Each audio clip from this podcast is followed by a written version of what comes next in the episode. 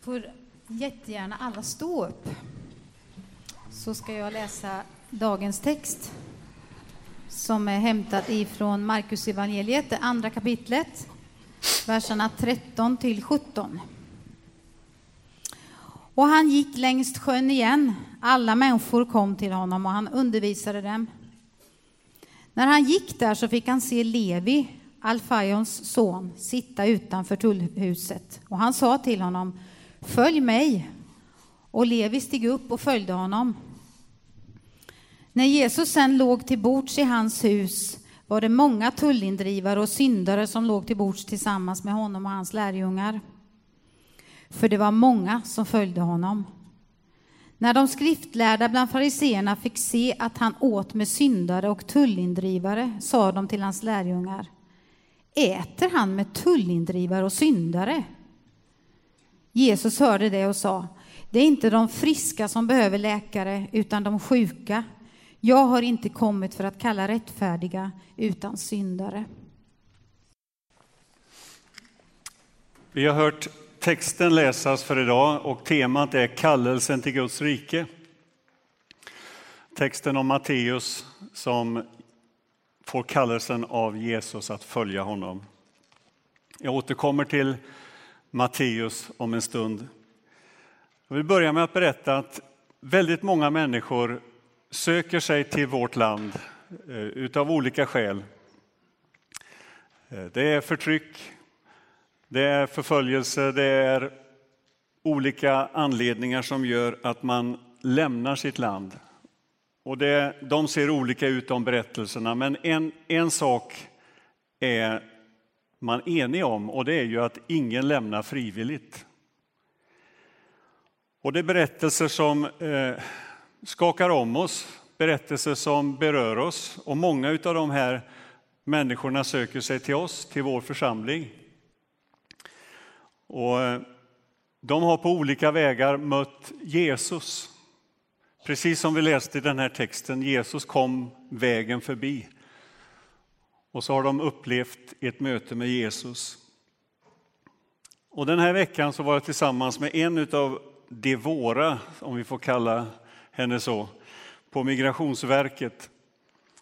Där vi har överklagat ett utvisningsbeslut som hon har fått och där vi nu anför nya skäl. Och det främsta skälet då är konvertering. Hon har mött Jesus och det mötet har förändrats, förändrat hennes liv. Men det innebär också att det föreligger en stor risk för henne att återvända till sitt land, i det här fallet Iran. Och när vi har skrivit de här skrivelserna så försöker vi beskriva vad, vad kristen tro är för någonting. Och jag, ni ska få ett utdrag ur den skrivelsen. Och där står det att leva som kristen handlar inte bara om ett privat ställningstagande utan det får också offentliga konsekvenser. Att vara kristen innebär att dela sitt liv och sin tro med andra människor. Kristen tro är inte bara något som hände i historien för länge sedan Tron innebär att följa Jesus idag och att leva tillsammans med honom här och nu. Man kan säga att tron är nu. Och därför skulle ett återvändande till Iran innebära en stor risk för NN. Och att återvända till Iran och till en situation där hennes tro skulle begränsas till enbart något privat är otänkbart. Att behålla tron för sig själv är att beröva tron dess kärna och innehåll. Med kristen tro följer att leva i gemenskap med andra kristna, vilket är svårt, om inte omöjligt, i Iran. Det här är ett utdrag ur en mycket längre skrivelse.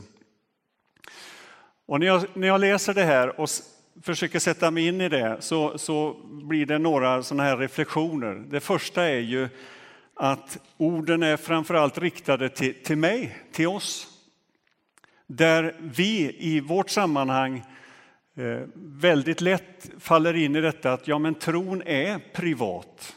Det är någonting mellan mig och Gud. Ingen annan har med det att göra. Det är bekvämt att ha det på det sättet. Det är hanterbart. Det passar in i vårt sätt att leva. Det är någonting vid sidan om livet. Vi har livet och så har vi tron. I den här skrivelsen säger vi att det här berör allt i våra liv. Det är någonting som innebär efterföljelse i livets alla situationer, i alla sammanhang, hela tiden, alltid. Tron är nu. Den andra reflektionen handlar om att, att kristen tro är någonting socialt. Alltså, vi delar livet med alla andra som är kristna. Och på något sätt så behövs det någon slags, om vi ska kalla det för församlingsväckelse i den meningen att vi ser utmaningen och styrkan i att leva sitt liv, inte bara som personligt kristen med min relation till Gud, utan också att dela den med alla de andra som tror på Jesus. Och här kommer bilderna som Nya testamentet ger oss om enheten, om kroppen, olika lemmar och så vidare. Den tredje re reflektionen är ju att Jesus berör allt här och nu. Jesus är inte bara en förebild att följa och ta efter, utan han är mitt liv. Jag lever som han gjorde, ger som han gav, tänker på andra som Jesus gjorde, förlåter som Jesus gjorde, är generös som Jesus var generös. En del går omkring med ett litet armband där det står What would Jesus do? Och, det är precis den frågan som ställs på sin spets i den här skrivelsen. Alltså Jesus berör hela mitt liv. Och när vi anför det här till Migrationsverket, förresten den här skrivelsen ligger nu i Migrationsverkets arkiv någonstans. Och det är väl bra att den finns där. Men jag hoppas att den blir läst också för att förstå vad kristen tro handlar om. Men det är inte bara någonting för Migrationsverket, det är för oss. Det är utmaningen för oss i vårt sammanhang där vi finns. Texten som vi har läst från, Matteus eh, från Markus evangeliet om Matteus som möter Jesus, så är det precis det här som Matteus fick uppleva. Hur Jesus kom vägen förbi och hur Jesus på ett radikalt sätt förändrade hela Matteus tillvaro. Det fick konsekvenser för honom privat och det fick konsekvenser för honom socialt, på alla områden. Helt otippad som lärjunge var Matteus. Han var publikan, tullindrivare, förvaltare av statsinkomster. En publikan som, som Matteus arbetade med att på ett på ett arrende ta in skatter för den romerska staten. Och så kommer Jesus och fick se Alfeus son sitta där utanför tullhuset. Så kort och så koncis skriver Markus om hur det mötet gick till. Det här uppdraget som Matteus hade att ta in skatt, det hade han säkerligen köpt på en auktion. För det gick så till att man kunde köpa in ett område och säga det här kan jag kontrollera med, mina, med mitt arbete, ta in skatter för den romerska staten. Och det var säkert ett högt pris han fick betala. Kanske tog han lån för att överhuvudtaget ha råd att köpa det här jobbet. Men han tog också en oerhörd risk. Och han sålde sig dyrt i den meningen att han betraktades av sina landsmän som en förrädare. En som hade svikit sitt land. En som hade svikit sin identitet som jude. En som hade gått och allierat sig med ockupationsmakten. Och vi kan bara tänka oss in i, den, i det beslut som Matteus tog när han valde det här yrket som publikan. Och så sitter han där utanför tullhuset timme efter timme kontrollerar allt och alla som går vägen förbi.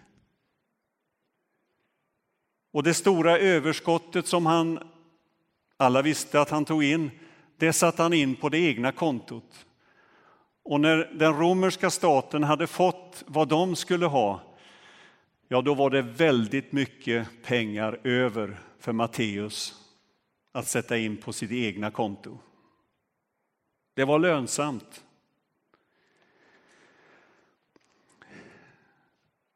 Och det blev ganska mycket för Matteus.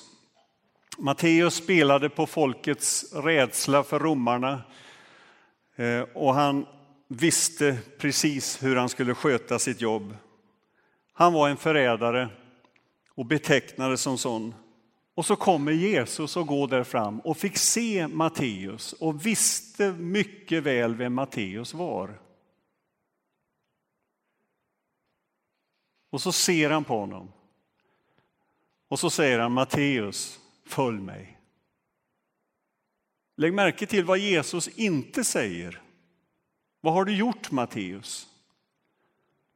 Vad har du gjort med ditt liv? Hur kunde du? Varför har du förrått ditt land, din identitet? Utan i den uppmaningen, följ mig, ligger ju ett uttryck eller en mening. Matteus, jag vill att du ska gå med mig. Jag vill att du ska följa mig. Jag vill att du ska gå dit jag går. Det här uttrycket, eh, om vi går tillbaka till den andra bilden, så, fick, så ser ni att det står Levi Alfaios son. Och det är ju ett sätt att beskriva att, att Jesus känner ditt personnummer, din adress, var du bor. Han vet allt om dig. Han vet precis hur du har det, var du finns, vad du tänker, vad du känner, vad du har gått igenom. Det vet Jesus. Men ändå räcker han ut handen till dig och säger kom. Jag vill ha gemenskap med dig. Och det här uttrycket till följ mig är ju ett sätt att liksom beskriva det. Att nu lämnar vi det andra bakom oss och så går vi framåt. Och en nyckel till uppbrott och till grunden att vilja kallelsen, det är ju att det får konsekvenser. Jag tror att Matteus ganska snabbt räknar igenom, om jag nu reser mig upp, om jag nu följer Jesus, jag, jag kommer inte att göra någon vinst på det. Det blir bara förlust. Rent ekonomiskt, rent karriärmässigt.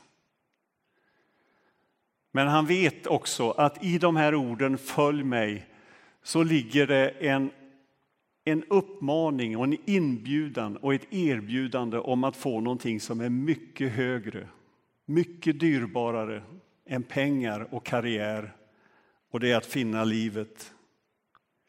Följ mig kommer först också. Och det är så när Jesus kallar oss, att det inte är vi som kommer på att följa honom, utan han har först varit där. Och det är ju ibland frestande att tänka, ja men det är jag som har beslutat att följa Jesus. Ja visst, så är det. Men i grund och botten handlar det om att han var där före jag kom på att jag skulle följa honom.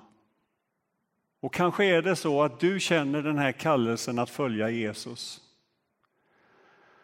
Och du kanske beräknar för ditt liv att ja, men det finns inget som duger hos mig eller jag har inget att komma med.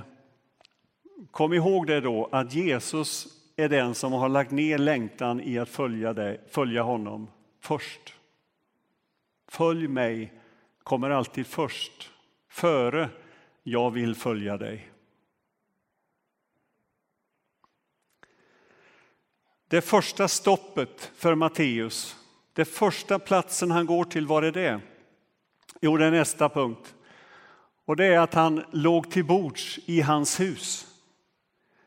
Det blir den första anhalten på efterföljelsen för Matteus. Hemmet står ju för det mest privata.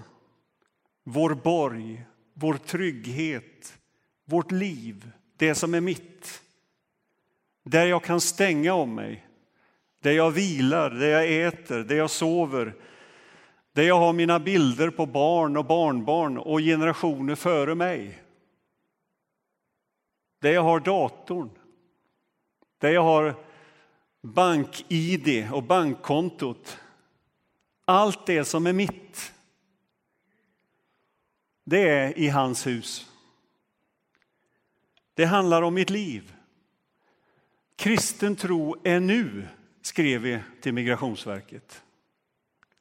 Kristen tro är här och nu, mitt i livet, mitt i de sammanhang, mitt i det mest privata. Inte någonting utanför det. Utanför det. Det andra som sker när han eh, ligger där till bords, det är att han ligger där inte ensam, Matteus. Utan det står att massa andra människor, många fler, låg runt bordet. Syndare. De gamla arbetskamraterna från tullhuset var också där. Alla var ditbjudna. Inbjudningslistan blev lång. Och runt Matteus bord sitter de allihop. Tron får konsekvenser. Den går inte att behålla för sig själv, för då dör den. Det sociala nätverket blir större och större hela tiden. Därför att Matteus upptäcker direkt med en gång att ska jag följa Jesus, då måste jag vara lika generös som Jesus. Jag delar mitt liv med alla de andra som heller inte har lyckats. Och så blir vi systrar och bröder och Jesus är vår bror och Gud är vår far.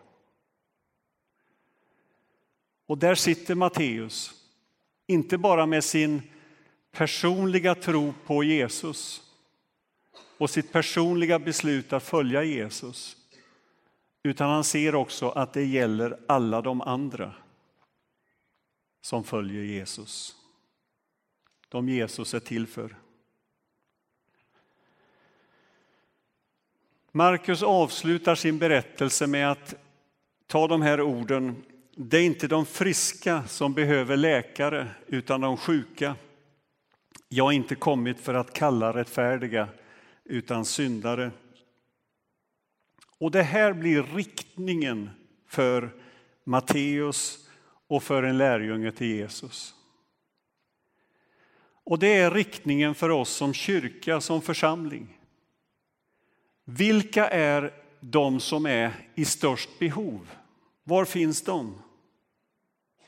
Vem behöv, behöver Jesus bäst just nu? Ja, det behöver ju alla. Men det finns de med särskilda behov. Var lägger vi oss i vår ambition att nå ut? Var finns vi i den debatt, i den diskussion som finns i vår stad, i vårt samhälle? Jo, vi lägger oss där. Det är inte de friska som behöver läkare, utan de sjuka. Jag har inte kommit för att kalla rättfärdiga, utan syndare. Och så blir församlingen, gemenskapen och vi som Jesu lärjungar någon slags trotsig röst mitt i vår tid, mitt i vårt samhälle som ropar ut stödet för dem som är mest behov, i mest behov hela tiden. Låt mig få berätta om en, en, en händelse som eh, är ganska så fascinerande egentligen. Låt mig få berätta om en kvinna som heter Natalia Demytryk. Jag vet inte om ni har hört det namnet, jag har inte hört det tidigare heller. Hon eh, arbetade som tolk på den ukrainska statstelevisionen. Och 2004 var det ju presidentval i Ukraina. Valet stod mellan den Rysslandsstödde Viktor Janukovych och så utmanaren Viktor Jusjenko. Och vi känner till den här orangea revolutionen som startade egentligen det som hände i Ukraina och som pågår än idag. Anhängarna till Jusjenko de bar de här orangea halsdukarna och färgen syntes på många ställen. Och söndagen den 24 november 2004 så hölls det här valet mellan de här två presidentkandidaterna. Och det officiella valresultatet visade att Janukovic hade segrat. Men oppositionen och de allra flesta menade att det har förekommit valfusk och att Jusjenko egentligen var segrare utav valet. Natalia hon var alltså teckenspråkstolk på den statstelevisionen. Och den här söndagen så var det en nyhetsuppläsning i den ukrainska tvn. Och så ser man en stor ruta och så en liten ruta längst ner där Natalia teckentolkar det som sägs. Och nyhetsuppläsaren på den stora rutan säger vi får härmed meddela att vår president Viktor Janukovic med stor majoritet har vunnit presidentvalet. Och så står Natalia i den lilla rutan och tecknar Tro inte ett ord av vad han säger. Det är lögn alltihop. Nu tecknar inte jag som det var. Men... Det är lögn. Och jag skäms för att stå här och säga det som sägs i tvn. Och därför vill jag uppmana alla mina döva syskon att göra revolution. Och det var egentligen detta som startade sen det som sen har sett som har hänt i Ukraina. Hon fick ett enormt stöd av sina kollegor. Cheferna var förgrymmade. Det blev en enorm uppslutning. Och det sägs i någon av de här artiklarna som jag försökt läsa mig in på att, att hon också uppma jag uppmanar er alla att gå till torget och demonstrera. Och så gjorde de det, och så startade det som blev liksom gnistan för det som sen har hänt. Hennes modiga uttalande väckte ett enormt stöd. Och bara någon månad senare så beslöt Ukrainas högsta domstol att ogiltigförklara valet. Och så blev det ett nytt val som hölls en tid senare. Alltså jag har inte kommit ifrån den här bilden. Tänk er den här stora rutan och så den lilla rutan. Den stora rutan, där basuneras det ut hela tiden saker och ting som egentligen inte är sant. Och så får församlingen och vi vara den där lilla rutan som säger tro inte på detta. Det finns någonting som är bättre. Det finns någonting som är större. Och det är att följa Jesus. Och hela tiden i den stora rutan så sägs det till ungdomar idag, du måste ha bra utseende för att lyckas. Du måste sjunga bra för att lyckas. Du måste vinna i alla matcher för att lyckas. Du måste bli berömd för att nå någonstans i den här världen. Och så får vi teckna den lilla rutan. Tro inte på det. Det finns någonting som är större. Det finns någonting som är viktigare. Och så får vi vara Natalia i den här världen och tala om att kristen tro, det är att finna livet. Det är att, att få tag på det som är människans bestämmelse. Det är att precis på det sättet som vi beskriver för Migrationsverket tala om att kristen tro det är inte att förlora livet, utan det är att vinna livet. Och vad är vår uppgift i den här världen? Vad är vårt stora uppdrag? Jo, det är att gå med Jesus som säger det är inte de friska som behöver läkare, utan de sjuka. Jesus har kommit för att kalla syndare misslyckade, förlorade, hungriga, törstige.